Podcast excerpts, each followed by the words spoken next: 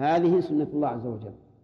ولا يرد على هذا أن قريشا قالوا للنبي صلى الله عليه وعلى آله وسلم أرنا آية يا محمد. فأشار إلى إلى القمر فانشق نصفين. قال أهل العلم إنما لم يهلكوا لأنهم لم يقترحوا آية معينة. ولو اقترحوا آية معينة ثم جاءت ولم يؤمنوا لهلكوا. هكذا قرر أهل العلم رحمهم الله. وقول لو نزل عليه آية من ربه آية أي علامة تدل على صدقه وصحة رسالته.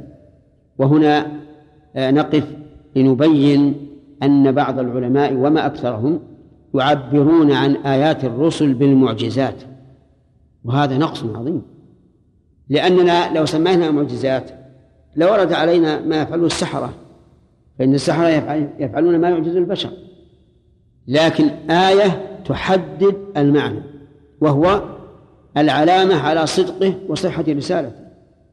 ولذلك لا تجد في القرآن أن الله عبر عن آيات الرسل بالمعجزات أبدا. إنما يعبر عنها بإيش؟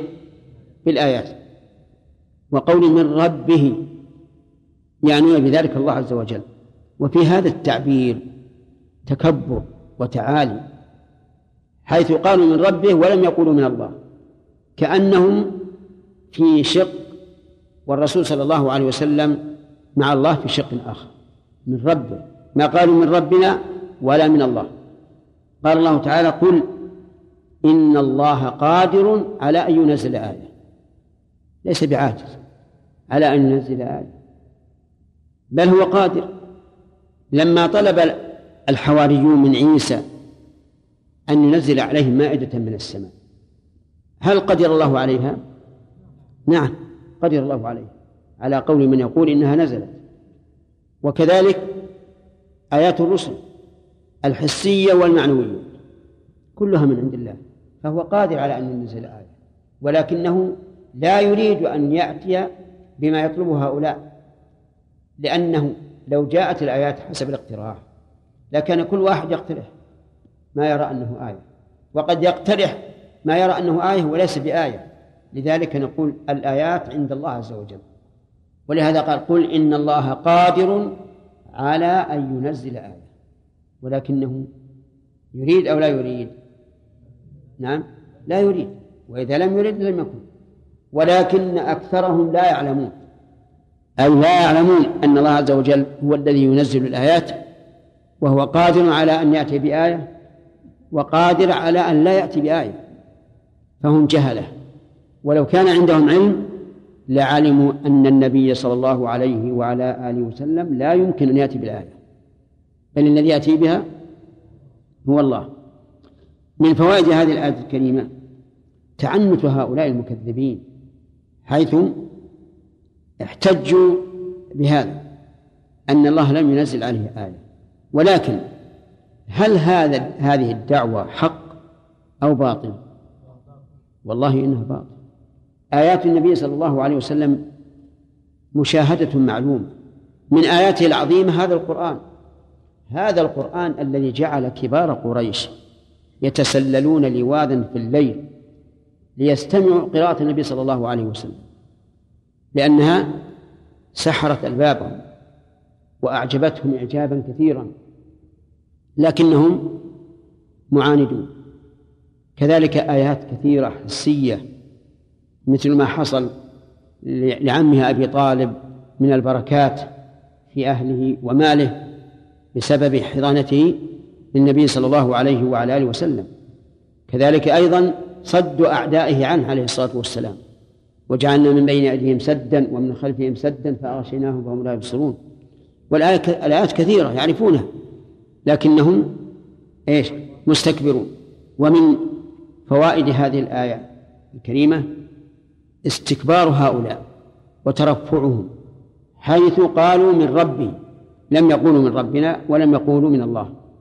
كأنه في جانب والرسول صلى الله عليه وعلى آله وسلم والله في جانب آخر.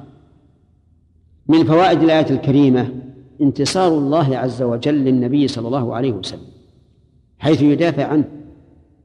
لما قالوا لولا نزل عليه آية من ربه لا شك أن هذا يوجب ضغطا على الرسول عليه الصلاة والسلام. فالله تعالى يجيب عنه انتصارا له. قل إن الله قادر على أن ينزل آية. ومن فوائد هذه الآية الكريمة إثبات قدرة الله عز وجل. لقول إن الله قادر على أن ينزل آية. هذه القدرة قدرة كاملة لا يلحقها شيء من العجز لقول الله تبارك وتعالى وما كان الله ليعجزه من شيء في السماوات ولا في الأرض إنه كان عليما قديرا فلكمال علمه وقدرته لا يعجزه شيء لأن العجز عن الشيء سببه إما الجهل وإما الضعف فالله عليم قدير طيب هذه القدرة تتعلق بكل شيء على كل شيء قدير. ولا تبحث كما بحث المتكلمون المتعمقون المتنطعون هل تتعلق بالممكن والواجب والمستحيل أو بالممكن والواجب فقط دون المستحيل. هذا كلام فاضي الله عز وجل أطلق قدرته والله على كل شيء قدير. فيه عبارة لبعضهم يقولون خص العقل ذاته فليس عليها بقادر. كلام فاضي. يعني أن العقل دل على أن الله لا يقدر على نفسه. أفهمتم؟ وهذا يعني تعطيل الله عز وجل عن كل فعل. لأنه ما يقدر. ما يقدر يفعل أي شيء. فيما يتعلق بنفسه. ونحن نقول إن الله على كل شيء قدير. فإذا قال قائل هل تقول إن الله يقدر على أن يهلك نفسه. نسأل الله العافية. فالجواب نقول إن الله سبحانه وتعالى أثبت لنفسه الكمال من كل وجه والهلاك نقص فلا يمكن. وهذا السؤال غير وارد لكن المتكلمين يريدونه حتى يصلوا إلى أن القدرة لا تتعلق بالمستحيل. يذكر أن الشيطان يضع كرسيه على البحر ويرسل جنوده ويرسل جنوده يضلون الناس. فإذا مات العابد لم يكترث بذلك. وإذا مات العالم فإنه يفرح فرحا عظيما إذا مات العالم فقال له جنوده كيف تفرح هذا الفرح بموت العالم والعابد لا تكترث به؟ قال لأن العالم أضر علي من العابد. العابد إذا إذا مات لم يفقده إلا نفسه والعالم تفقده الأمة. العالم إذا اهتدى هدى الله به أمة. والعابد في مسجده وإن شئتم ضربت لكم مثلا. يقال إنه أرسل إلى العابد وقال له يا فلان هل يستطيع الله عز وجل أن يجعل السماوات والأرض كلها كلها في بيضة. هل يستطيع؟ هل يقدر؟ العابد قال لا. السماوات كلها بيضة. نعم. يقول بعقله العابد أنا أقولها عنه يعني ولا ما أعلم يقول أنا لو بقيت ببيضة ما حملته. نعم. كيف السماوات والأرض؟ ما يصير. قال خير. راح للعابد. من العالم. قال له هل يقدر أن الله يجعل السماوات والأرض في في بيضة. قال نعم. إنما أمره إذا أراد شيئا أن يقول له كن فيكون. فجاء المندوب. قال يلا. شوف هذا العابد كفر وهو لا يعلم. أنكر قدرة الله عز وجل. وهذاك آمن. إنما أمره إذا أراد شيئا أن يقول له كن فيكون. على كل حال أنا قصدي إن هذه المسائل التعمق فيها غلط. أثبت ما أثبته الله لنفسه وهو أن الله على على كل شيء قدير وأعرض عما سوى ذلك. ومن فوائد هذه الآية الكريمة أن أفعال الله عز وجل مقرونة بمشيئته بمعنى أن ما لم يشاءه لم يكن وإن كان قادرا عليه. لقوله قادر على أن ينزل آية يعني ولكنه لم يشاء. ومن فوائد هذه الآية الكريمة أن أكثر هؤلاء المنكرين المكذبين لا يعلمون حقيقة الأمر لأنهم لم يتفكروا ولو تفكروا لعلموا لكنهم معرضون. ثم قال عز وجل وما من دابة في الأرض ولا طائر يطير بجناحيه إلا أمم أمثالكم. استمع سبحان الله. ما من دابة في الأرض. المراد بالدابة كل ما يدب على الأرض بأرجل متعددة أو أربع أو ثنتين أو يزحف على بطنه. أي دابة في الأرض ولا طائر يطير بجناحيه. فذكر المخلوقات الأرضية والمخلوقات الهوائية التي تسبح في الجو. ولا طائر يطير بجناحيه إلا أمم أمثالكم. الطيور على اختلاف أنواع وكذلك الدواب اللي على الأرض على اختلاف أنواعها كلها أمم مثلنا أمم مثلنا تختلف في أجناسها تختلف في ألوانها تختلف في قدراتها تختلف في أرزاقها تختلف في لغاتها كما أننا نحن كذلك أمم. وقوله طائر يطير بجناحيه هذا من باب التوكيد. لأنه من المعروف أن الطائر لا يطير إلا بجناحيه كما إذا قلت يمشي برجليه أو ينظر بعينيه أو يسمع بأذنيه وما أشبه ذلك فهو من باب التوكيد. وأما دعوى بعضهم إن هذا قيد تخرج به الطائرات لأن الطائرات تطير لكن ليس بجناحيه فهذا غلط. لأن شيئا لم يكن معروفا في ذلك الوقت لا يصح الاحتراز منه لأنه غير وارد أصلا. فالصواب أن قوله يطير بجناحيه من باب التوكيد على أني أقول لكم إن الطائرة مركبة على على الطير على الطير. فيها جناح يمين ويسار يمنعها من التأرجح وفيها أيضا هواء والطير يطير بالهواء. وفيها أيضا انخفاض الأجنحة عند النزول وارتفاع عند الطلوع. المهم أن الذي سمعنا وقرأنا ورأيناه في الصورة أن هذه الطائرات مركبة على حسب على حسب الطيور إلا أمم أمثالكم هذه الأمم سبحان الله متنوعة متفرقة مختلفة في الأحجام في الألوان. في القوى في كل شيء. أيضا مختلفة في اللغات والألسن.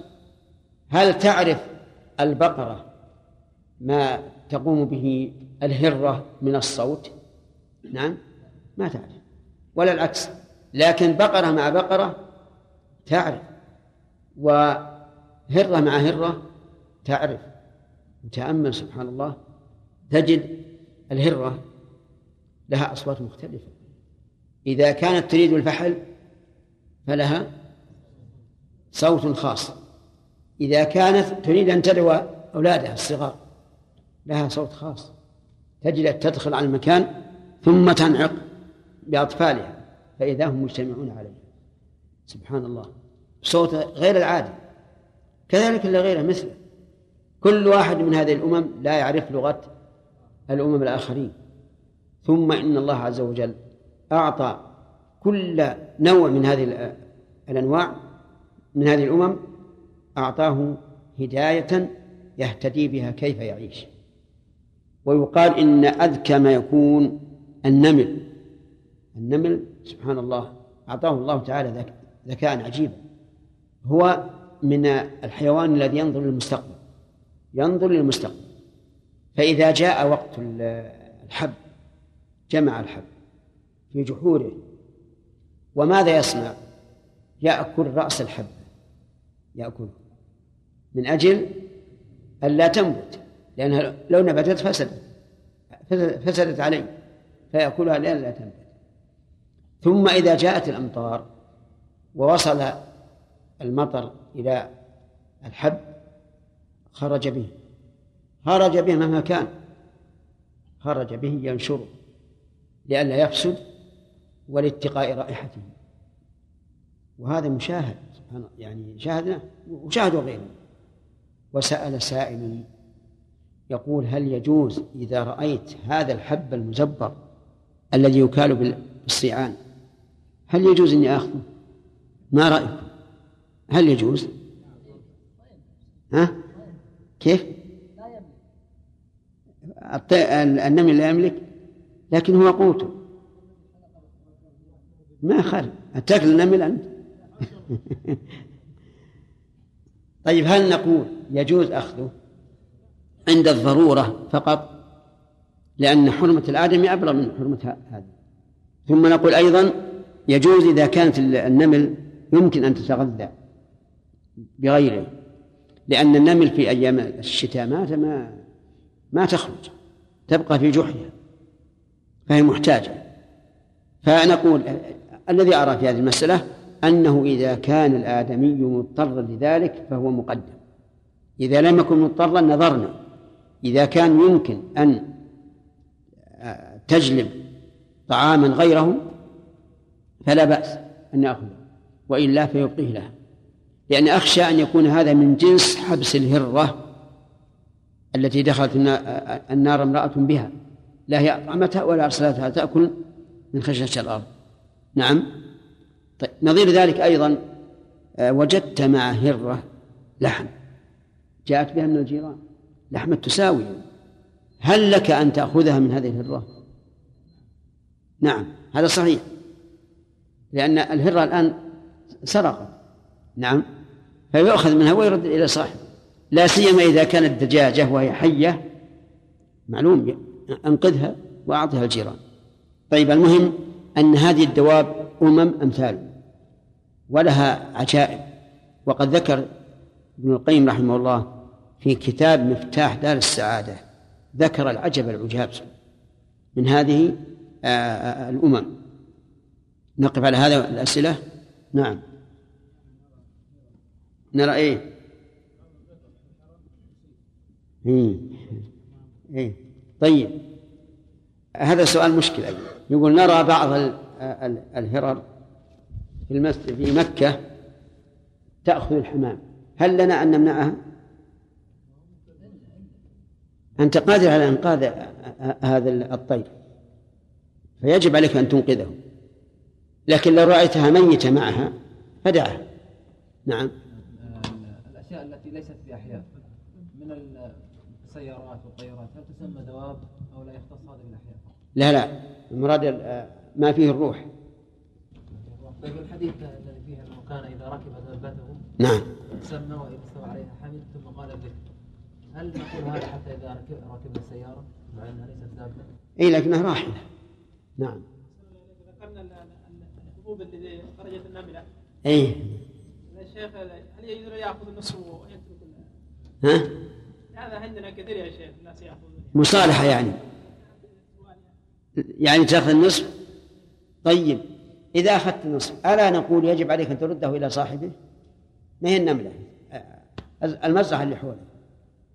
يعني في الغالب أنها تأخذ من اللي حوله. هل نقول خذ هذا الحب وأعطيه صاحب المزرعة نعم.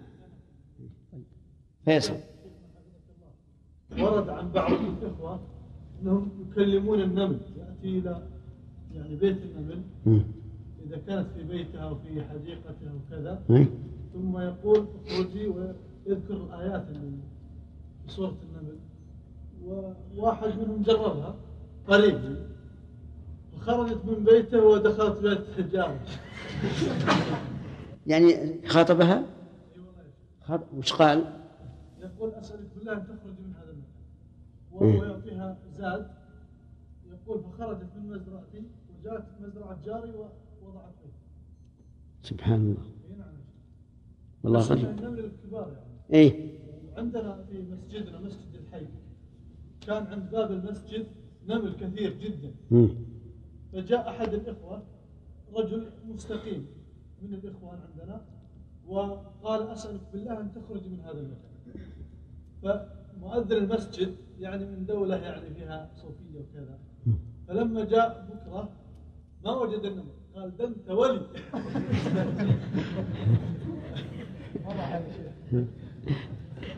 والله يا شيخ اللي إحنا نسمع من بعض الإخوان يجلس على كرسي صغير ثم يقرأ آيات من القرآن ثم ترحل النمل ترحل عن بيته الله أكبر. وهذا يدل على أن تفهم وقصة سليمان واضح أنها تفهم. نعم.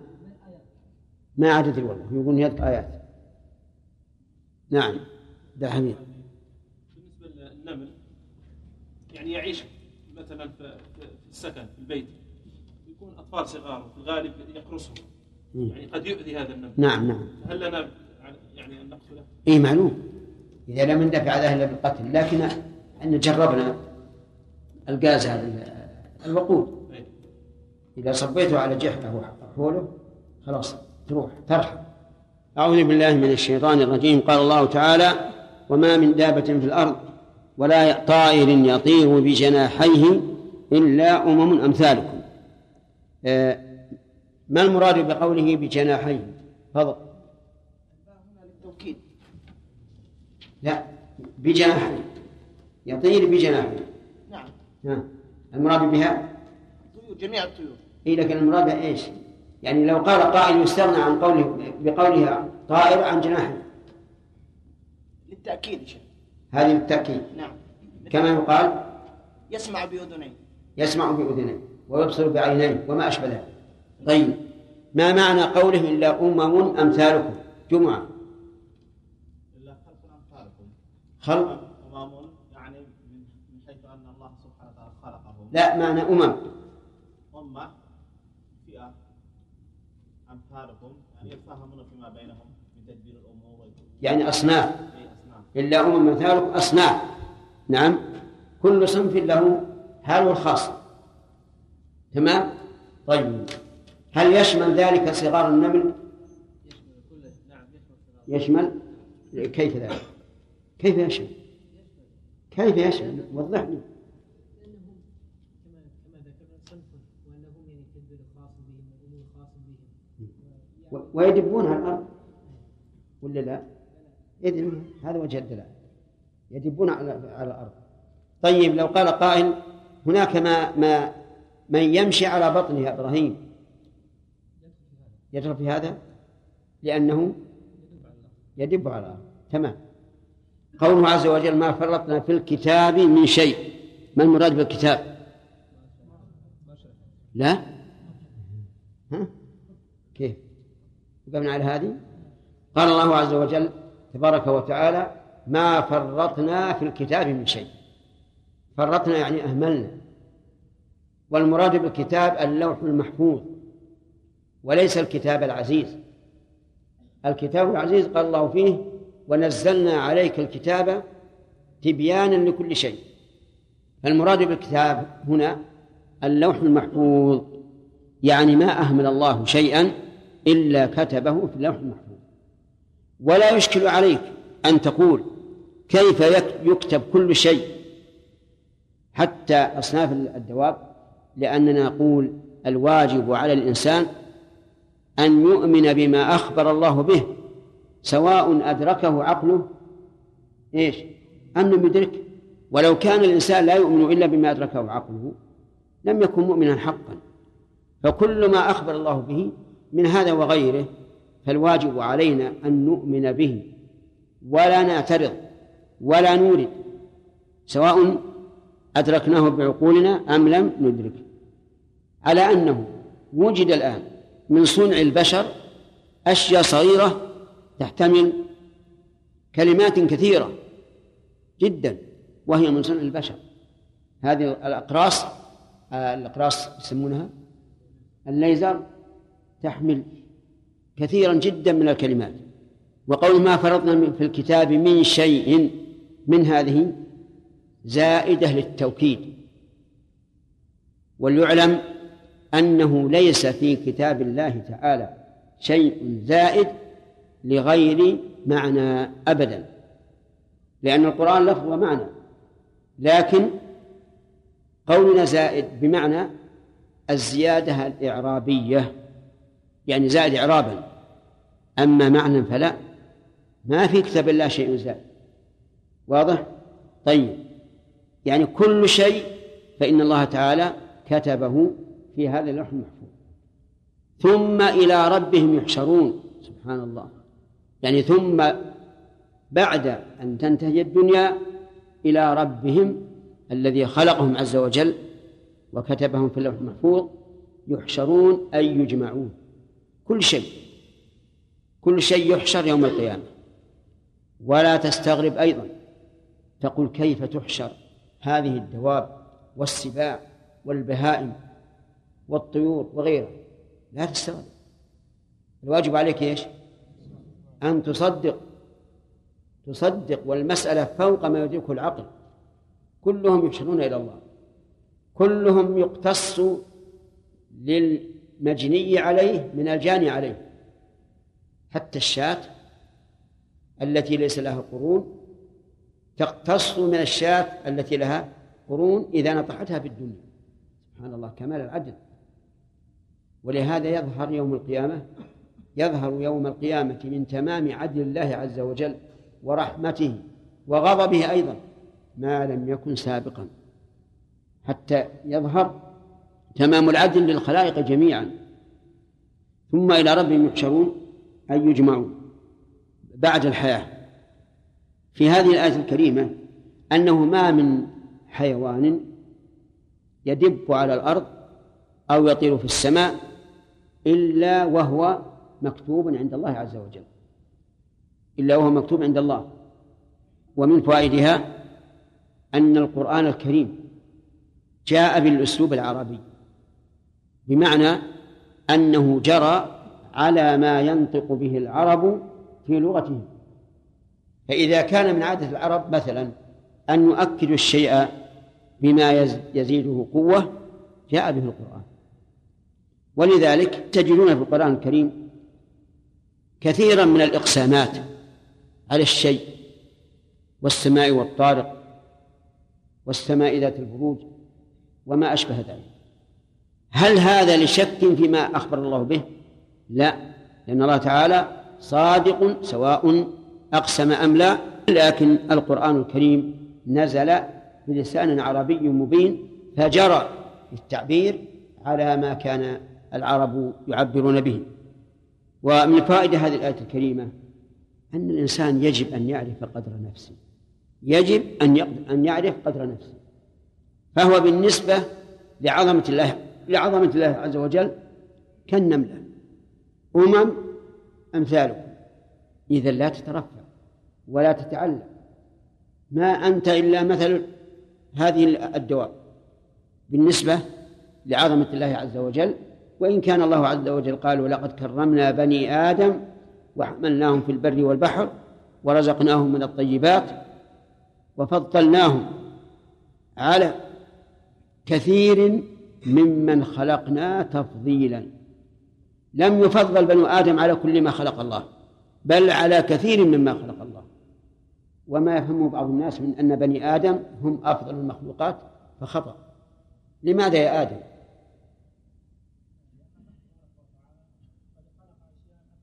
غلط. نعم. لقوله وفضلناهم على كثير ممن خلقنا ما قال على من خلقنا. على كثير ممن خلقنا تفضيلا. فهمت؟ وإياك أن تأتي بالتعليل مع وجود الدليل. فهمت؟ طيب.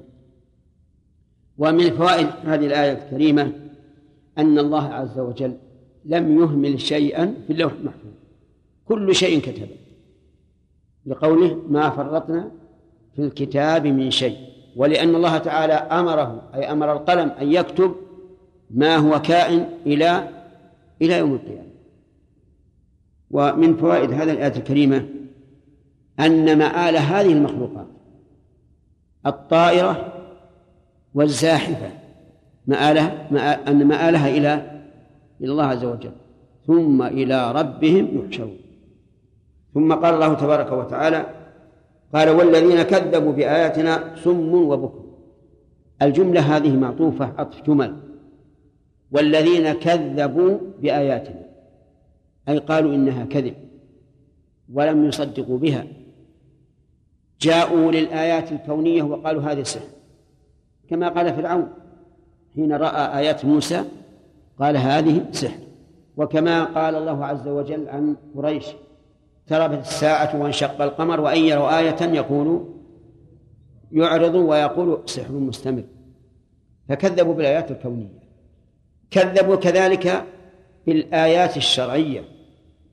ووصفوا الرسل بالكذبة بالشعراء بالكهنة بالمجانين بالمسحورين وما أشبه ذلك. وهذا التكذيب بإيش؟ بالآيات الشرعية. هؤلاء الذين كذبوا بآيات الله صم وبكم في الظلمات. ثلاث ثلاث أحوال. لهم صم بآذانهم. لا يسمعون الكتاب سماع انتفاع. فلا يسمعونه سماع انتفاع. فانسد طريق الحق عنهم من جهة السماع. بكم جمع أبكم وهو الذي لا ينطق. فلا ينطقون بالحق ولكنهم ينطقون بالباطل.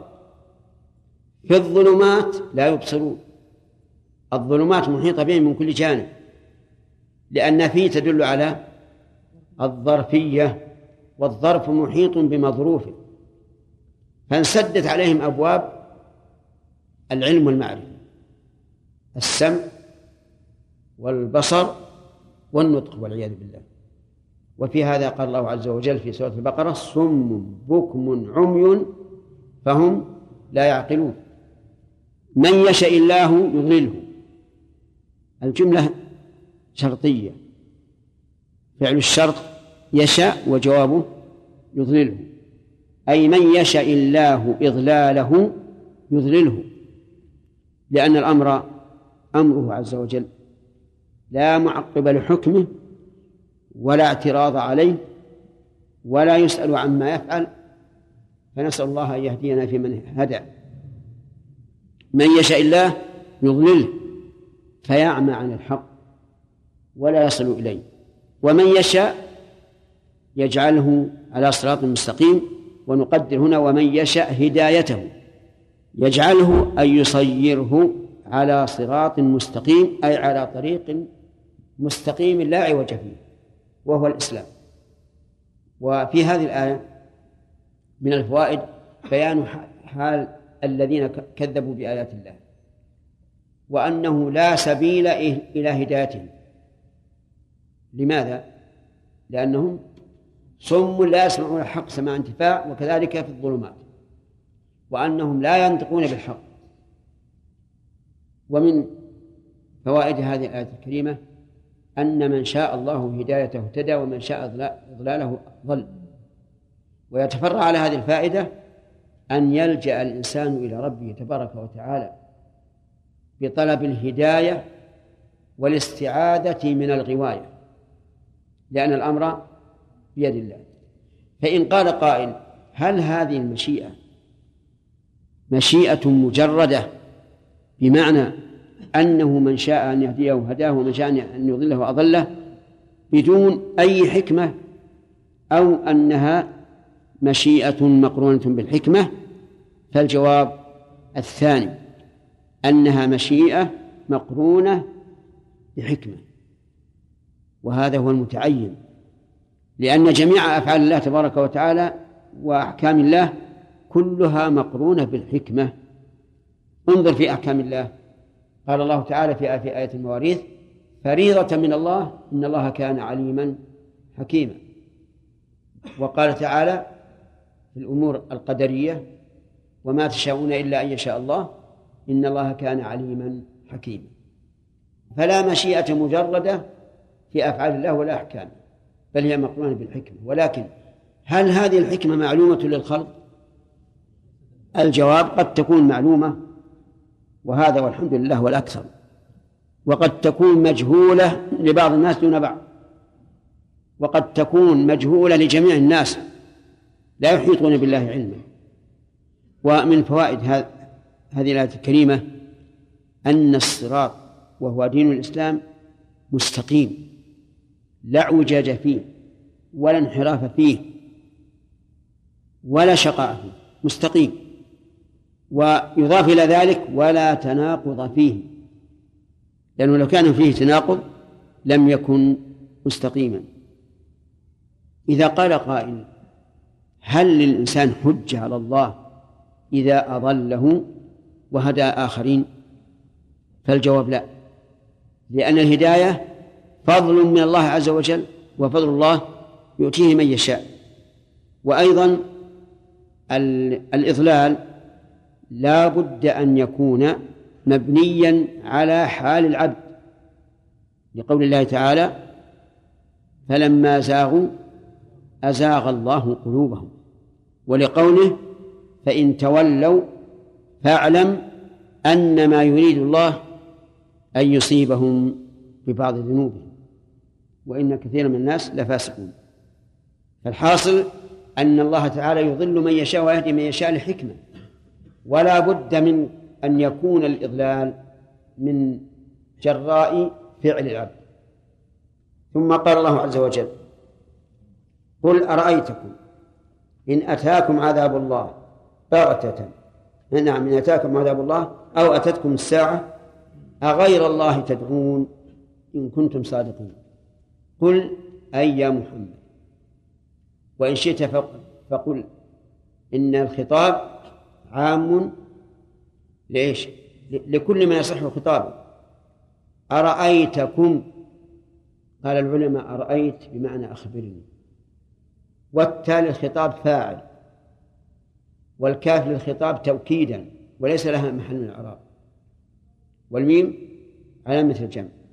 وأرأيت تحتاج إلى مفعول مفعول أول ومفعول ثاني لأن الرؤية هنا علمية. قالوا المفعول الأول محذوف والمفعول الثاني الجملة الاستفهامية أغير الله تدعون. هذا المحذوف يقدر بما يناسب الحال. فيكون التقدير هنا أرأيتكم حالكم عند الشدة؟ أغير الله تدعون؟ بين الله من يدعون عند الشدة. قال بل إياه تدعون. نعود للإعراب. أقول الهمزة للاستفهام والرؤية هنا علمية والتاء فاعل والكاف للخطاب توكيدا والميم علامة الجمع. ورأى العلمية تنصب مفعولين. المفعول الأول هنا محذوف ويقدر بما يناسب المقام والذي يناسب المقام هنا إيش؟ حالكم عند الشدة. وجملة أغير الله تدعون هي محل نصب المفعول الثاني. يعني أخبروني إذا وقعتم في الشدة. أتدعون غير الله؟ الجواب لا. إذا غشهم موج كالظلل دعوا من؟ دعوا الله. مخلصين له الدين. فإذا وقعوا في الشدة عرفوا الله. والعجب أن المشركين إذا وقعوا في الشدة دعوا الله. وأن بعض طوائف هذه الأمة إذا وقعوا في الشدة دعوا غير الله. إذا وقعوا في الشدة دعوا عبد القادر الجيلاني دعوا علي بن علي بن أبي طالب دعوا الحسين وما أشبه ذلك. فصار حال المشركين خيرا من حال هؤلاء. طيب. وقول إن كنتم صادقين أي إن كنتم صادقين في أن غير الله ينجيكم. ولكن إذا كانوا يدعون الله عند الشدة صاروا كاذبين في في دعواهم أن هذه الآلهة تنجيهم. ثم قال بل إياه تدعون. بل للإضراب الإبطال. إبطال أنهم يدعون غير الله. وإياه مفعول مقدم لتدعون. وتقديم المعمول يفيد الحصر. المعنى بل لا تدعون إلا الله. فيكشف ما تدعون إليه. يكشف بمعنى يزيل. كما تكشف المستور. فتزيل سترة حتى يبدو ويظهر. فيكشف ما تدعون إليه. أي ما دعوتم به إلى الله عز وجل. أن يكشف الدعاء الذي أنهيتموه إلى الله عز وجل. يكشف ما تدعون إليه إن شاء وإنما قال إن شاء لئلا يطمع هؤلاء في كشف الكربة فإذا لم تكشف احتجوا على الله. فإذا قال إن شاء صارت المسألة تحت مشيئة الله.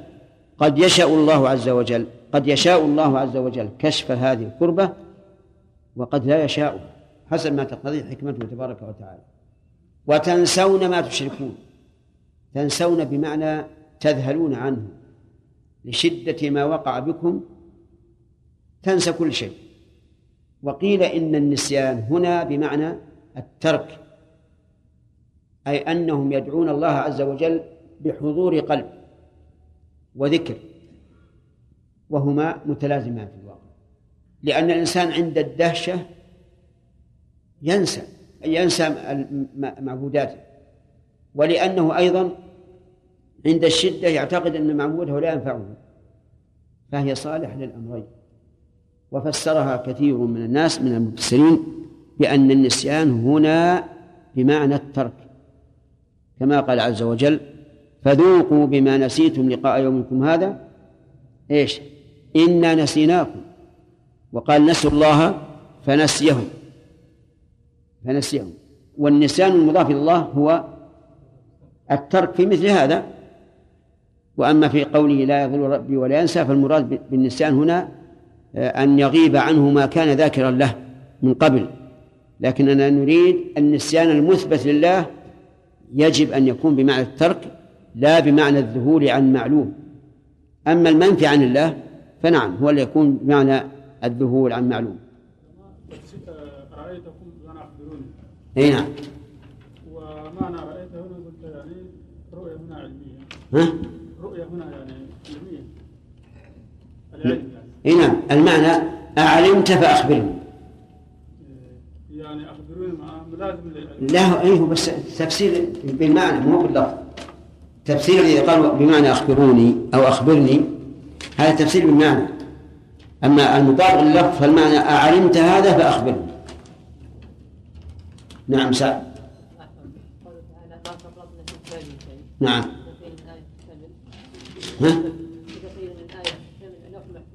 ها؟ الآية محفوظ وكتاب التفسير أن الآية كانت تحتمل أكثر من معنى يستقيم. ما يستقيم. لأن السياق يعين أحد المعنيين. فهنا السياق يعين أنه اللوح المحفوظ. نعم. تعبير الإنسان إذا قال قائل أن الكشف هل يظن المشركون أن الكشف حصل إلزام من الشركاء على الله سبحانه وتعالى. إيش؟ أن كشف العذاب حصل عن طريق الإلزام من الشركاء على الله. نعم. هو الإنشاء مغالب. إيه؟ حتى لا أحد يعني يقول إنه دعوة المشركون أن إذا حصل الكشف عن طريق الشركاء اللي يعبدون ما حصل لأنه قيده بالمشيئة. نعم يحيى. صلى الله عليه الذين يحرفون الآيات هل يدخلون في قول الذين كذبوا بآياتنا؟ هو التحريف بارك الله فيك. يعني بمعنى آه، التأويل. إذا كان تأويل إنكار. فهذا ربما يدخل في هذا. أما إذا كان تأويل عن اجتهاد فه- فهو لا يدخل في هذا. والتأويل الذي يقبل إذا كان اللفظ يحتمله ثم إذا كان هناك ما يرجح المعنى الآخر ولكن يحتمل يحتمل المعنى فهنا ليسوا معاندين لكن إذا كان لا يحتمل فهم معاندون فيشبهون الذين جحدوا.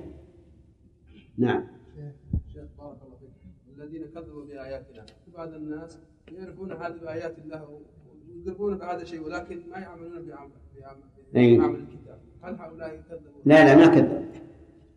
هؤلاء يدخلون في المستكبرين. نعم يا سليم والله عندي شيخ سمعت عن أن الرسول صلى الله عليه وسلم قال للكعبه ما اعظمك ما اعظم حرمتك وحرمه حرمه المؤمن أعظم من حرمتك ومر علينا تقليد يا شيخ. هل أفضل من المؤمن من المؤمن احد شيء فلا فلا شيء هذا الحديث ما أعرفه. هذا الحديث لا أعرفه. لكن لا شك أن أن المؤمن أفضل من الكافر. وأعظم حرمة. لا سائر المخلوقات ما يجوز.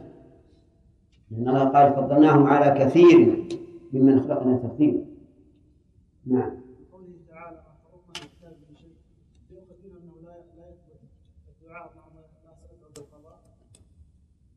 لا هذا معروف منكر هذا الدعاء المنكر ما يجوز.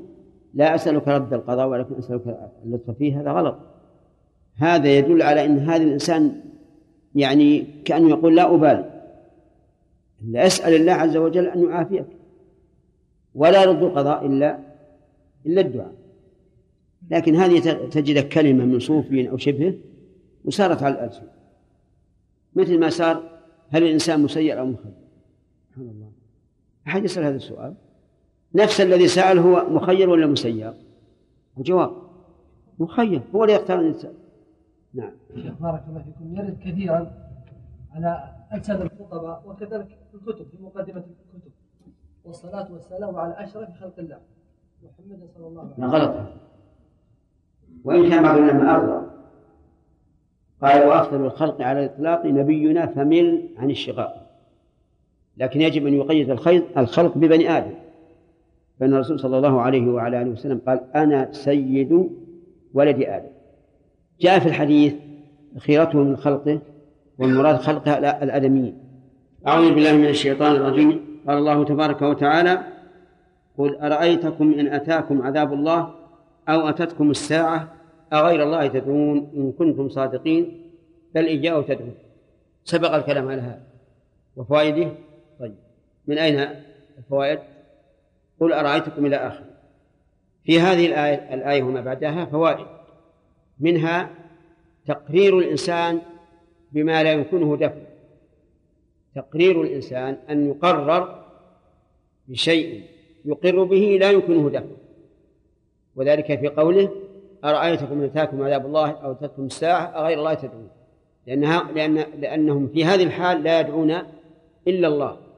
فإذا كان كذلك فلماذا يخلصون في في الشدة ويشركون في الرخاء؟ وقوله عذاب الله أو أتتكم الساعة؟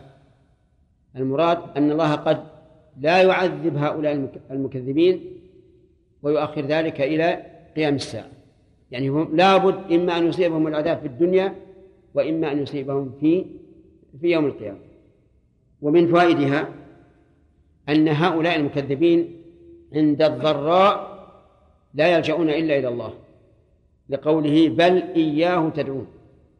ومن فوائدها أن الله تعالى يجيب دعوة المضطر ولو كان كافرا. بل ويعلم عز وجل أنه سيكفر إذا نجا. لأن الله ينجيهم من الكرب وهو يعلم أنهم إذا نجوا سوف يشركون. لكن وقوعهم في الشدة تقتضي رحمة الله عز وجل أن يجيب دعاءهم. ومثل ذلك المظلوم فإن الله يجيب دعوته ولو كان كافرا. فهذان صنفان تجاب دعوتهما. المضطر والثاني المظلوم يجيب الله تعالى دعوته. أما المضطر فلأن رحمة الله سبقت غضبه فيرحم المضطر ويجيب دعوته. وأما المظلوم فلكمال عدل الله عز وجل أن يجيب المظلوم انتصارا نعم أن يجيب المظلوم انتصارا له على على الظالم. ومن فوائد هذه الآية أنه لا يصف السوء إلا الله عز وجل ويتفرع عليها أنه إذا أصابك السوء السوء فلا تلجأ إلا إلى الله عز وجل. وهل هذا اللجوء فطري أم هو شرعي عقلي؟ الظاهر الثاني وذلك لأن بعض الذين يصيبهم الضر لا يلجؤون إلى الله كالرافضة مثلا إذا أصابهم الضر يلجؤون إلى من؟ إلى أئمتهم علي بن أبي طالب أو الحسين أو غيرهما من أئمتهم ونحن لا ننكر أن لأئمتهم الحقيقيين درجة عند الله عز وجل على حسب عملهم لكننا ننكر أن يدعوا هؤلاء أن يدعى هؤلاء من دون الله عز وجل. ومن فوائد هذه الآية الحذر من ممارسة السيئات. فإن الإنسان ربما يتوب إلى الله عز وجل ثم يعود. ولهذا قال وتنسون وتنسون ما تشركون. معنى تنسون هنا بمعنى تتركون. يعني أن الآلهة التي كنتم تشركون بها تتركونها. وقد ذكرنا في التفسير أنه يحتمل أن المعنى الترك أو إيش؟ أو الذهول لشدة ما نزل به. ثم قال الله عز وجل ولقد أرسلنا إلى أمم من قبلك. ما أكثر ما يرد في القرآن الكريم مثل هذا التعبير. لقد قال أهل العلم واللام موطئة للقسم يعني أنها تمهد للقسم فيكون قبلها قسم صالح بن هارون قسم مقدر واللام موطئة للقسم مؤكدة له وقد مؤكدة أيضا فيكون في هذا مؤكدات ثلاث. أرسلنا إلى أمم من قبلك يعني أرسلنا رسلا إلى أمم من قبلك. أمم جمع أمة والأمة في القرآن الكريم ترد على معاني متعددة. ترد بمعنى الإمام مثل قوله تعالى إن إبراهيم كان أمة قانتا لله أي إماما. وترد بمعنى الوقت مثل قول الله تعالى والذكر بعد أمة أي بعد زمن. وترد بمعنى الطائفة كما هنا أي طائفة وشعب وما وما أشبه ذلك. هل ترد لغير هذا؟ ترد لمعنى الرابع لكني نسيته. نعم. وهو نعم. وهو الدين. كما في قوله تعالى إنا وجدنا آباءنا على أمة أي على ملة. فلها في القرآن الكريم أربعة معاني. وقوله إلى أمم من قبلك. لأن كل الأمم التي أرسل إليها الرسول كلهم قبل الرسول عليه الصلاة والسلام لأنه خاتمهم. فأخذناهم بالبأساء والضراء. أخذناهم بالبأساء. ألف هذه عاطفة. وهل هي عاطفة على إرسال الرسل؟ بمعنى أن الرسل أرسلوا ليؤخذ هؤلاء بالبأساء والضراء؟ لا. بل لكن في الآية حذفا تقديره فكذبوا أو كفروا أو ما أشبه ذلك. وهذا يسمى إيجاز حذف. لأن الإيجاز عند البلاغيين نوعان. إيجاز قصر وهو أن تكون الكلمات القليلة تحمل معاني كثيرة.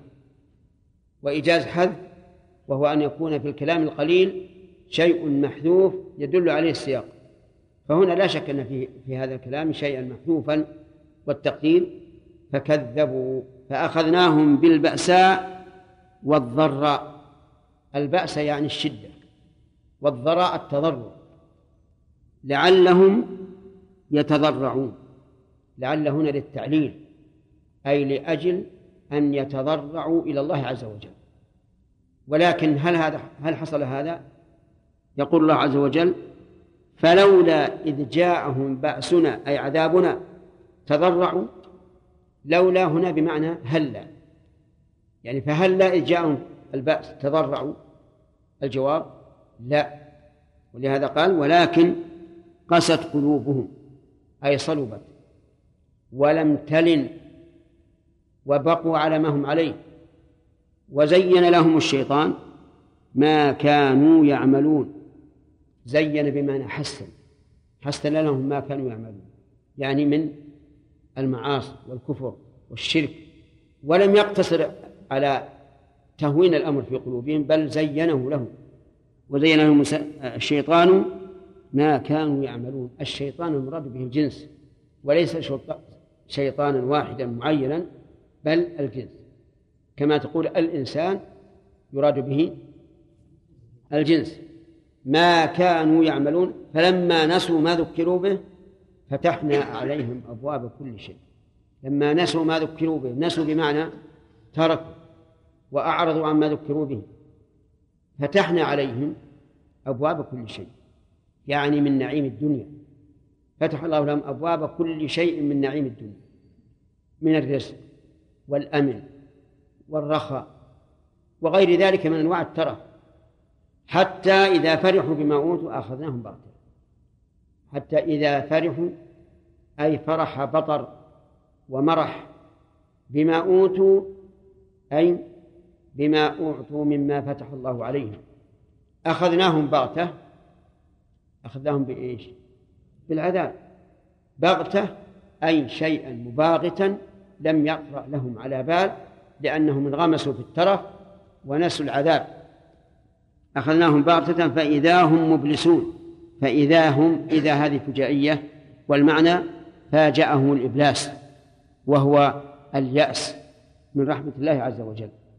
ففي هذه هذه الآية الآيات الكريمة أولا إقامة الحجة على الخلق بإرسال الرسل.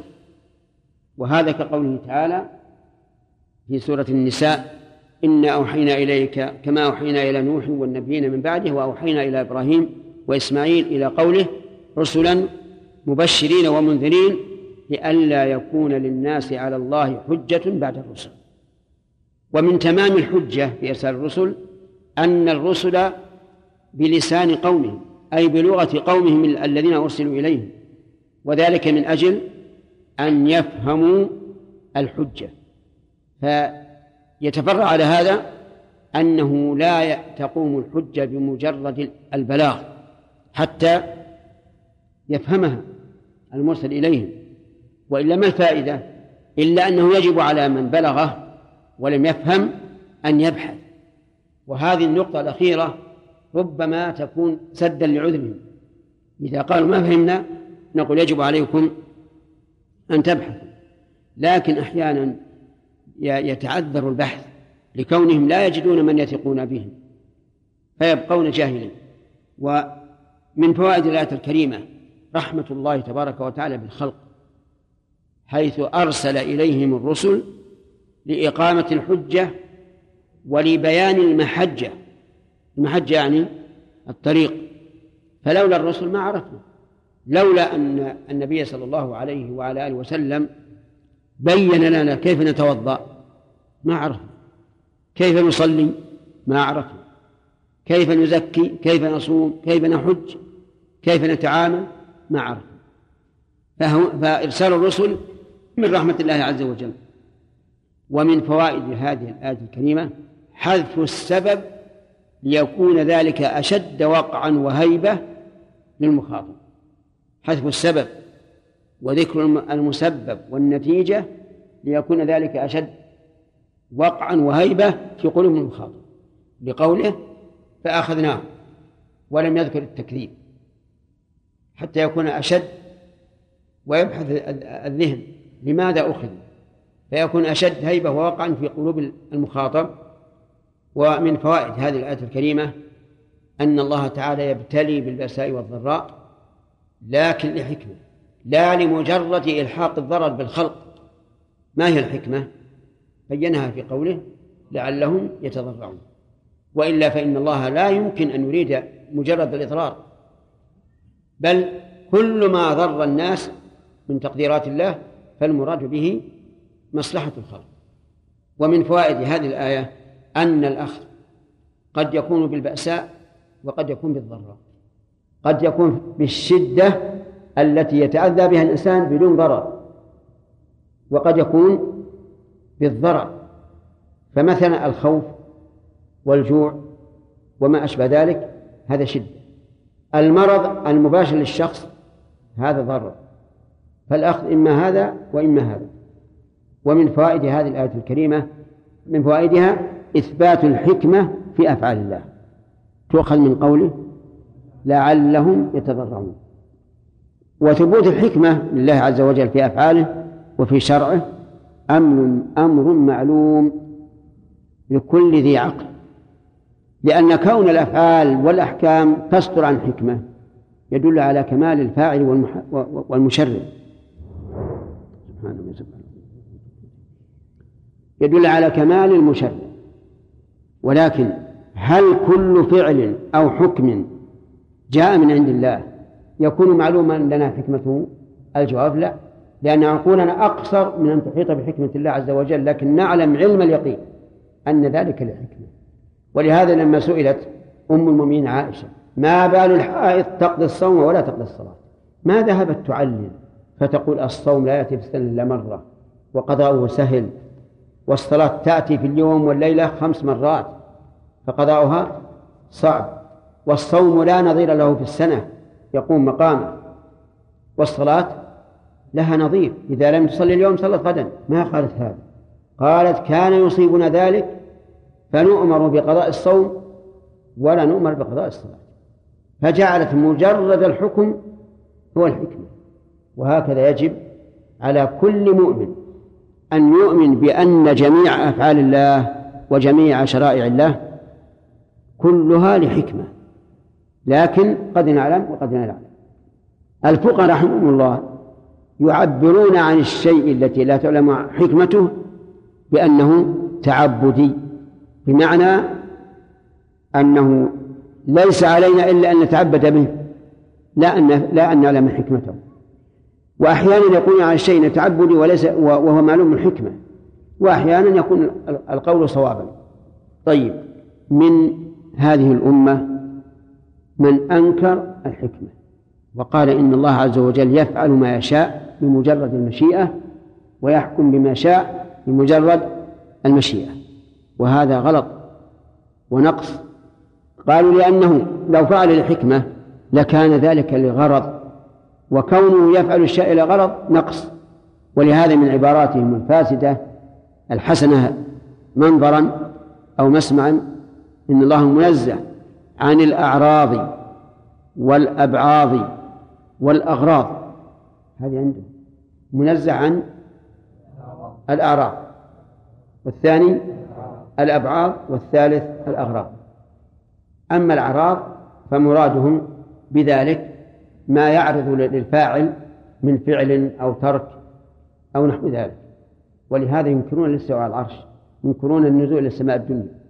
والأبعاض يقصدون بها الوجه واليدين وما أشبهه. والأغراض يريدون بها الحكمة. فيقولون لو كان أفعاله لحكمة أو أو شرائعه لحكمة لكان له غرض. والله تعالى منزه عن الأغراض. والجواب على هذا سهل. هل الغرض الذي تتضمنه الحكمة هل هو لمصلحة الله أو لمصلحة الخلق؟ الثاني قطعا وإلا فإن الله يقول إن تكفروا فإن الله غني عنكم ولا يرضى لعباده الكفر وإن تشكروا يرضه لكم. فهذه الحكمة التي تضمنها الفعل أو أو الشرع أو الحكم هذه لمصلحة الخلق. وحينئذ تكون كمالا أو نقصا. كمالا. نعم.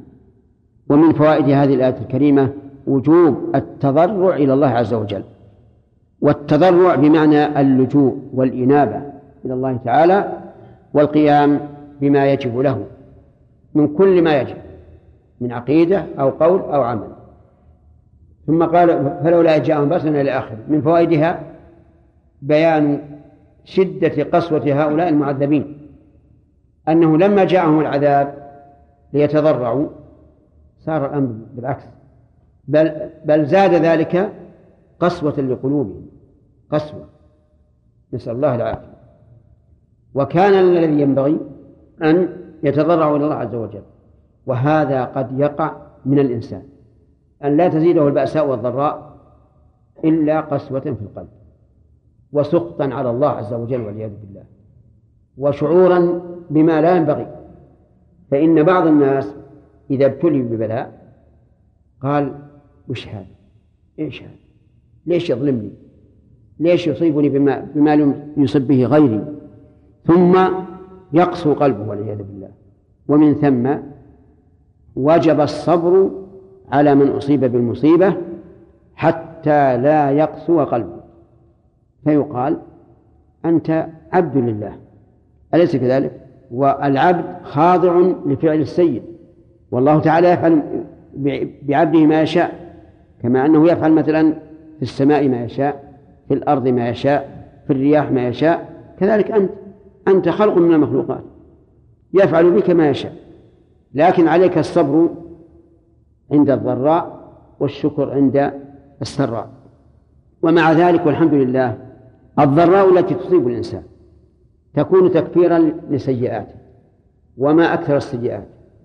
أي شيء يصيبك حتى الشوكة إذا أصابتك فإنها تكفر السيئات. فإن احتسبت أثبت ثواب الصابرين. فلم يفرط الله فلم يفرط الله تبارك وتعالى بشيء فيما ينفع الخلق. ومن فوائد هذه الآية إثبات قسوة القلب بعد لينه لقوله ولكن قست قلوب. وكما في في آية البقرة ثم قست قلوبكم من بعد ذلك. فقسوة القلب تحدث ولين القلب يحدث أيضا فكلاهما حدثان. والواجب على الإنسان أن يلاحظ دائما قلبه ألين هو أم لا؟ أم مخبت إلى الله أم لا؟ أم مخلص لله أم لا. الأعمال الظاهرة كل إنسان يستطيع أن يأتي بها على أحسن وجه. أليس كذلك؟ المنافق يمكن أن يأتي بالصلاة على أحسن وجه ويمكن أن يتصدق لكن أعمال القلوب هي والله الصعبة هي الصعبة. حرر قلبك من رق المعاصي حتى تتحرر. فإذا قال قائل ما دواء قسوة القلب؟ وهذا سؤال يرد كثيرا على بعض المستقيمين الذين من الله نعم يرد كثيرا من بعض المستقيمين الذين من الله عليهم بالاستقامة ثم يحصل لهم هزة فيقسو القلب. فالجواب أن من أسباب إزالة القسوة كثرة قراءة القرآن. بتدبر وأن تشعر وأنت تقرأ أن هذا كلام الله عز وجل لا كلام البشر كلام الله خالق السماوات والأرض. وحينئذ تعظم هذا الكلام وتنتفع به. ثانيا كثرة الذكر ذكر الله عز وجل. أكثر من ذكر الله. وذكر الله عز وجل ليس فيه صعوبة لأن الذي يتحرك هو اللسان والشفتان وليس فيه صعوبة. قال الله عز وجل ألا بذكر الله تطمئن القلوب. ومنها مصاحبة الأخيار فإن مصاحبة الأخيار تكسب الإنسان خيرا كثيرا. وفي الحديث أن الجليس الصالح كحامل المكس المسك إما أن يحذيك يعطيك تبرعا وإما أن يبيعك وإما أن ترى منه رائحة طيبة. احرص على مصاحبة الأخيار. ولكن انتفع بهم وانفعهم لأن ما ما كل أحد معصوم. أن انتفع انفعهم وانتفع بهم. ومنها أي من أسباب لين القلب رحمة الصغار. رحمة الصغار ولا سيما اليتامى. فإنها توجب رقة القلب. وجرب تجد ولقد قال النبي صلى الله عليه وسلم ارحموا من في الأرض يرحمكم من في السماء. وهناك أسباب أخرى تظهر للمتأمل في دواء قسوة القلب.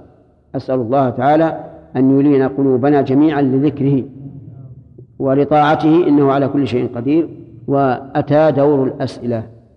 نعم. تأديب النفس قلة المال وتجويعها وتعريفها. نعم. والله ما يظهر. ما يظهر هذا. وليس من الشر هذا هذا أيضا. لأن النفس لها حق. صحيح أن الإسراف في المآكل والمشارب والملابس والمساكن والمراكب غير محمود. أما كونه يجوع نفسه هذا ما ليس من الشريعة. نعم؟ على أساس أنه يعرف نفسه يعني مثلا لو قلل مثلا كمية الطعام أو قلل ما يخالف قلل غير أنه يجوع. خليه يقلل. يأكل الثلث للطعام والثلث للشراب وثلث للنفس. لكن المشكلة الآن إن بعض الناس يقولون لقد شرب أبو هريرة اللبن حتى لم يجد له مساغا وأبو هريرة فعل ذلك مرة. وهؤلاء يجعلونه كل مرة. والعامي يقول الماء دقيق ينفذ ولو كانت المعدة مملوءة بالطعام. والنفس حربة. يشق على النفس وكأن هذا العام يقول املأ البطن. ولكن الحقيقة أن ملء البطن دائما يضر. وأن الإنسان إذا خفف فإنه أصح له. وجرب تجد. نعم في بعض الأحيان يكون الطعام طيبا شهيا ولا تستطيع أن تأكل قليلا. أو تكون أتيت إليه وأنت جائع ومن شدة الجوع تقوى النهمة وتأكل كثيرا. لكن مرن نفسك. نعم. الرحمن رحمنا من السماء. حتى المخلوقات الحيوان. نعم. تشمل كل شيء. تشمل كل شيء. تشمل كل شيء. هل ترحم الحيوان؟ اي ارحم الحيوان. لا تكلف البعير أكثر مما تطيق. لكن بعضهم يا شيخ العوام هذا هل الحلال؟ يقول هذا حيوان ما يحس. يضربوه. لا أعوذ بالله. يحس. كيف ما يحس؟ أليست البعير إذا ضربتها ترغي؟ إيه. يا حبيب بالنسبة لهؤلاء الذين يغلب على الظن أنهم لم تقام عليهم الحجة. نعم. باتباعهم كبار علماء وكذا. نعم. كيف تكون معاملتهم إذا كانوا يعملون أعمال شرك؟ هل يتعامل معهم الإنسان معاملة مسلمين أو ما؟ هؤلاء يتوقف فيهم وإذا قدمت جنائزهم آه، يستثني. يقول اللهم اغفر له إن كان مؤمنا من فوائد الآية إثبات قسوة القلب وهي صلابته وعدم لينه للحق. قوله ولكن قست قلوبهم ومن فوائدها أن الشيطان يزين لبني آدم سوء العمل. كما قال عز وجل وزين لهم الشيطان ما كانوا يعملون. وفي آية أخرى زين لهم الشيطان سوء أعمالهم. ومن الفوائد أن الله تبارك وتعالى قد يسلط على العبد من هو عدو له.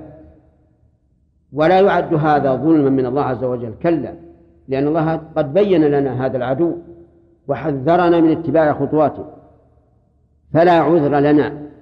ومن فوائد هذه الآية الكريمة أن الرجل إذا سلط عليه الشيطان صار السيء في نظره حسنا وصار الحسن سيئا. لقوله زين لهم ما كانوا يعملون ومن المعلوم أنهم يعملون بالمعاصي. ثم قال عز وجل فلما نسوا ما ذكروا به إلى آخره. من فوائد هذه الآية الكريمة أن الله تعالى عجل لهم بالعقوبة لكن على وجه الاستدراج. لقوله فلما نسوا ما ذكروا به فتحنا عليهم أبواب كل شيء. ومن الفوائد أن يحذر الإنسان عقوبة الله عز وجل إذا من الله عليه بتيسير أمور الدنيا من مأكل ومشرب ونكاح ومركب ومسكن فلا يغتر بهذا لأنه قد يكون استدراجا. ولهذا قال بعض السلف إذا رأيت إذا رأيت الله عز وجل ينعم على الإنسان مع تماريه في العصيان فاعلم أن ذلك استدراج. وصدقوا. فلا تغتر أيها الإنسان. فقد تبتلى بالنعم كما تبتلى بالنقم. وقد تكون البلوى بالنعم أشد من البلوى بالنقم ومن فوائد هذه الآية الكريمة أن الذي بيده الرخاء والشدة هو الله. لقوله فتحنا عليهم أبواب كل شيء. ومن فوائد الآية أنه يجب الحذر من الفرح الذي هو فرح البطر بنعم الله عز وجل. لقوله فرحوا بما أوتوا أي فرح بطر. أما إذا فرح الإنسان بما يسره من أمور الدنيا أو من أمور الآخرة فرح سرور وانبساط بنعمة الله فإن هذا لا بأس به. قال الله عز وجل قل بفضل الله وبرحمته فبذلك فليفرحوا. ومن فوائد الآية الكريمة أن الإنسان قد يأتيه العذاب بغتة فبينا هو؟ في نعيمه وسروره في الدنيا منغمسا في معاصي الله إذا بالعذاب يأتيه بغتة. وسواء كان هذا العذاب عاما شاملا أو كان خاصا. قد يبتلى بمرض أو بحوادث تكسره وتحطمه أو بموت عاجل. ولهذا قال أخذناهم بغتة. أي أخذ بغتة أي مباغت. والمباغت هو الشيء الذي لا يتوقعه الإنسان فيقع في غير توقع له. ومن فوائد الآية الكريمة أن هذا الأخذ الذي توعد الله به عز وجل أخذ مدمر لقوله فإذا هم مبلسون أي آيسون من كل خير. قال الله عز وجل فقطع دابر القوم الذين ظلموا والحمد لله رب العالمين. هذا مبتدأ تفسير؟ نعم. فقطع ألف عاطفة وتدل على الترتيب والتعقيب. قطع دابر القوم أي هلكوا عن آخرهم. لأنه إذا قطع الدابر وهو الآخر فما سبقه من باب أولى. ولم يفصح جل وعلا بالقاطع لأنه معلوم وهو الله عز وجل.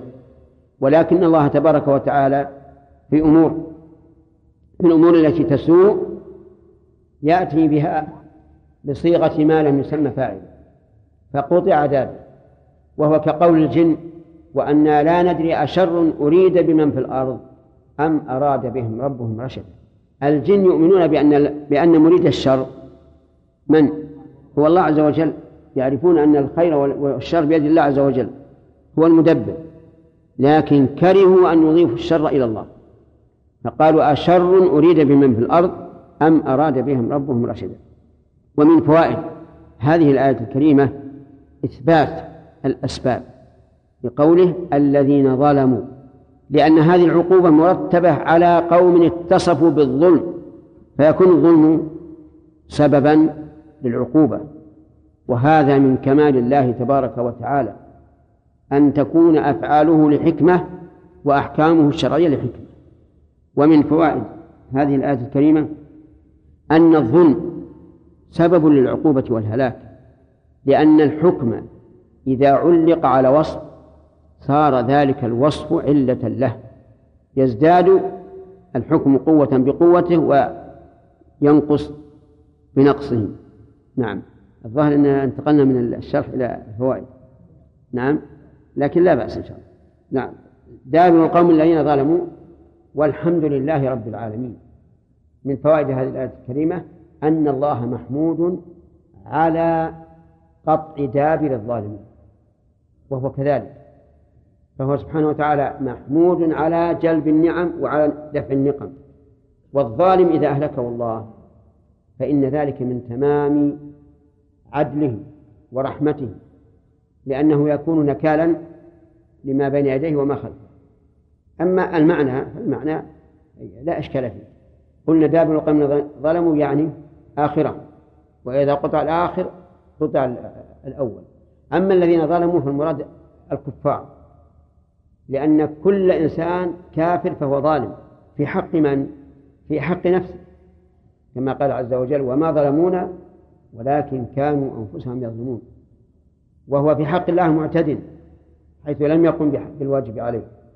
ثم قال الله عز وجل قل أرأيتم إن أخذ الله سمعكم وأبصاركم وختم على قلوبكم من إله غير الله يأتيكم به. قل أرأيتم أي قل يا محمد أخبروني إن أخذ الله سمعكم بحيث لا تسمعون الكلام وأبصاركم بحيث لا ترون الأفعال وختم على قلوبكم بحيث لا يكون لديكم وعي ولا عقل. من إله غير الله يأتيكم به؟ سيكون جوابهم لا أحد. لأنهم يقرون ويعترفون بربوبية الله عز وجل وبما وبما يترتب عليه. قال تعالى انظر انظر يعني نظر اعتبار أي نظر بصيرة. كيف نصرف الآيات؟ أي ننوعها؟ والآيات جمع آية وهي العلامة التي يحصل بها الطمأنينة لاشتمالها على الدليل. يعني أن الآية ليست مجرد علامة بل هي علامة التي تكون دليلا على الشيء فهي أخص من مطلق العلامة. ومعنى نصرف ننوع الآيات شمس قمر ليل نهار رخاء شدة حر برد وهل مجرة آيات منوعة. ثم هم يصرفون أي ينصرفون عن الحق وعن الآيات. وتأمل قوله ثم الدالة على التراخي. يعني ثم أن يتبين لهم الأمر ويتضح هم يصرفون. فلا ينتفعون. في هذا هذه الآية الكريمة تحدي هؤلاء الذين أشركوا بالله بهذه المسألة اليسيرة بالنسبة لغيره وهي أن الله إذا أخذ سمعهم وأبصارهم وختم على قلوبهم فإنه لا لن ينصرفوا إلا الله عز وجل. وهذا تحد لهم. ومن فوائد هذه الآية أن الإنسان إذا أصيب بسمع أو بصر أو قلب أو سائر جسده فليلجأ إلى من؟ إلى الله عز وجل لأنه لا أحد ينفعه.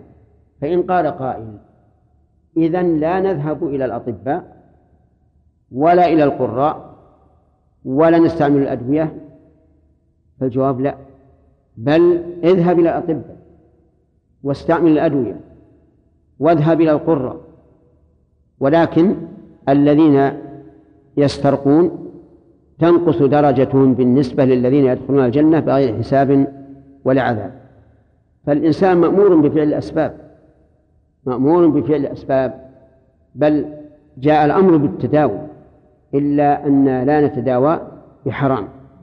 ومن فوائد هذه الآية الكريمة خطورة انسداد هذه الأمور الثلاثة وهي السمع بحيث لا لا يسمع الآيات والبصر لا يراها والقلب لا يعيها. فعلى الإنسان أن يراعي هذه الأمور الثلاثة. ومن فوائد هذه الآية الكريمة رحمة الله عز وجل حيث صرف الآيات للعباد. ولو شاء لو شاء لتركها لترك التصريف وجعل الناس يتخبطون خط عشواء. لكن من نعمة الله أن الله يري عباده الآيات ويصرفها وينوعها. فهذا من رحمة الله عز وجل. يعني إذا لم يؤمن بهذه الآية آمن بالآية الأخرى وحصل المقصود. وكم من إنسان تفوتها آيات كثيرة لا يعتبر بها ثم يصاب بآية واحدة فيعتبر.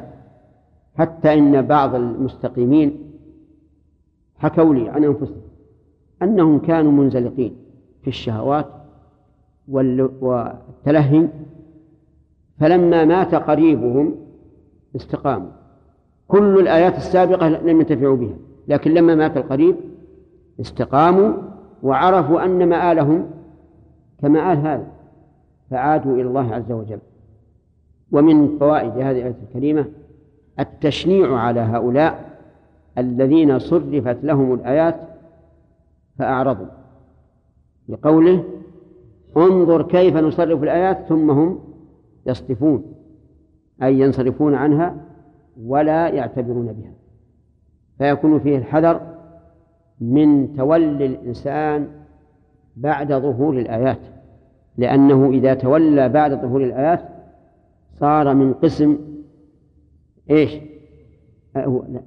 عندنا ثلاثة أقسام المغضوب عليهم والضالون وأهل الاستقامة. نعم. صار من قسم المغضوب عليهم لأنه علم الحق ولكنه تمرد عليه. ثم هم يصطفون قل قال عز وجل قل أرأيتم؟ نعم.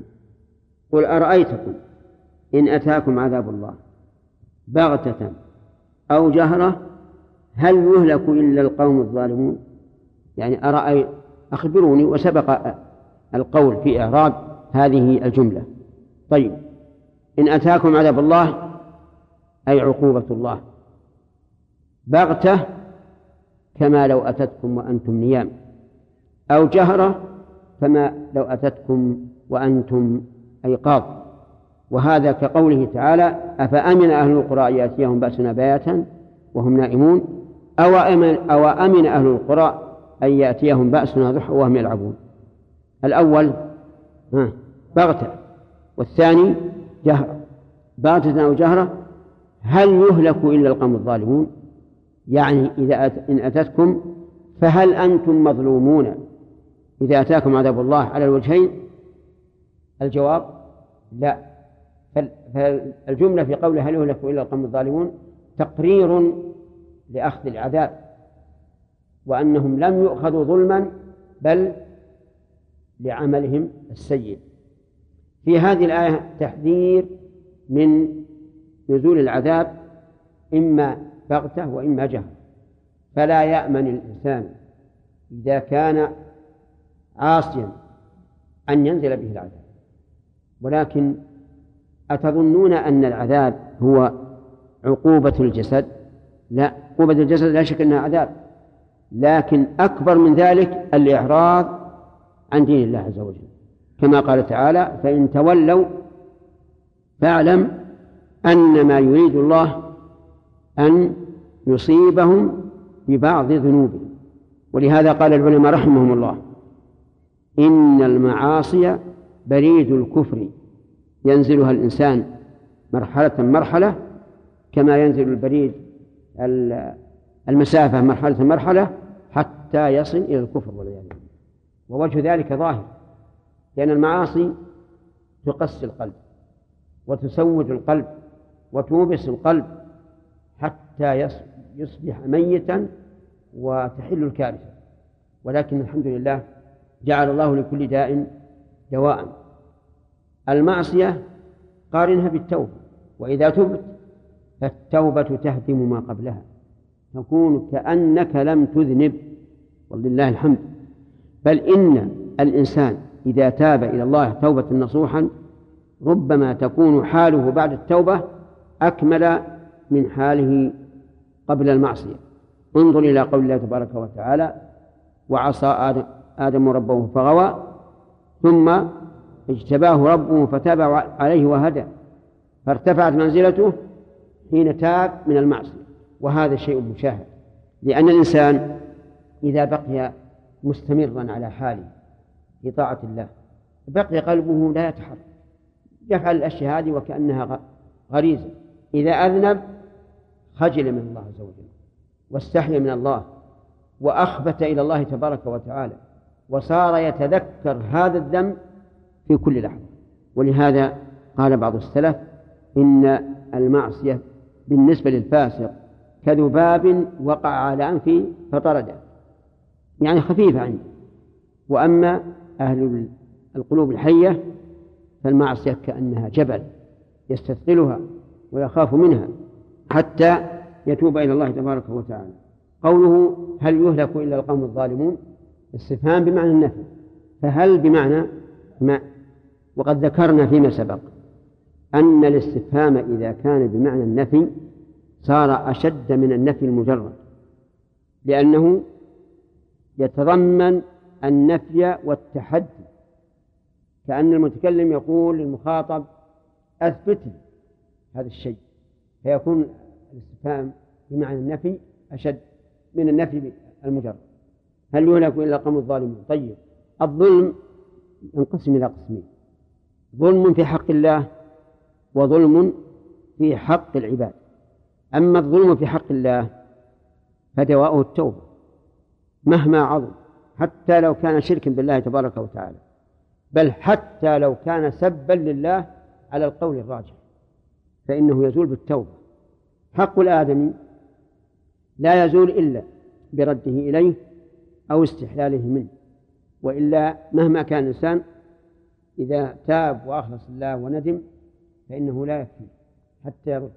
بل إن رد المظالم إلى أهلها من شروط من شروط التوبة يعني من شروط التوبة أن يقلع الإنسان عن عن الذنب ولا إقلاع عن الذنب مع استمرار أخذ مال الغير. ثم قال عز وجل وما نرسل المرسلين إلا مبشرين ومنذرين. ما نرسل ما نافية وإلا أداة حصر. والإرسال هو تحميل الغير إبلاغ رسالة من من أرسله. ولهذا كان القول الراجح في المسألة أن المرسل أن الرسل أوحي إليهم بالشرع وأمروا بتبليغه إلا مبشرين ومنذرين. مبشرين لمن اتبعهم بالخير بالجنة ومنذرين من خالفهم بالنار. هذه وظيفتهم. والبشارة هي الإخبار بما يسر والإنذار والتخويف بما يسوء فإن قال قائل كيف تقول إن البشارة هي الإخبار بما يسر؟ مع أن الله تعالى جعلها إخبارا بما يسوء.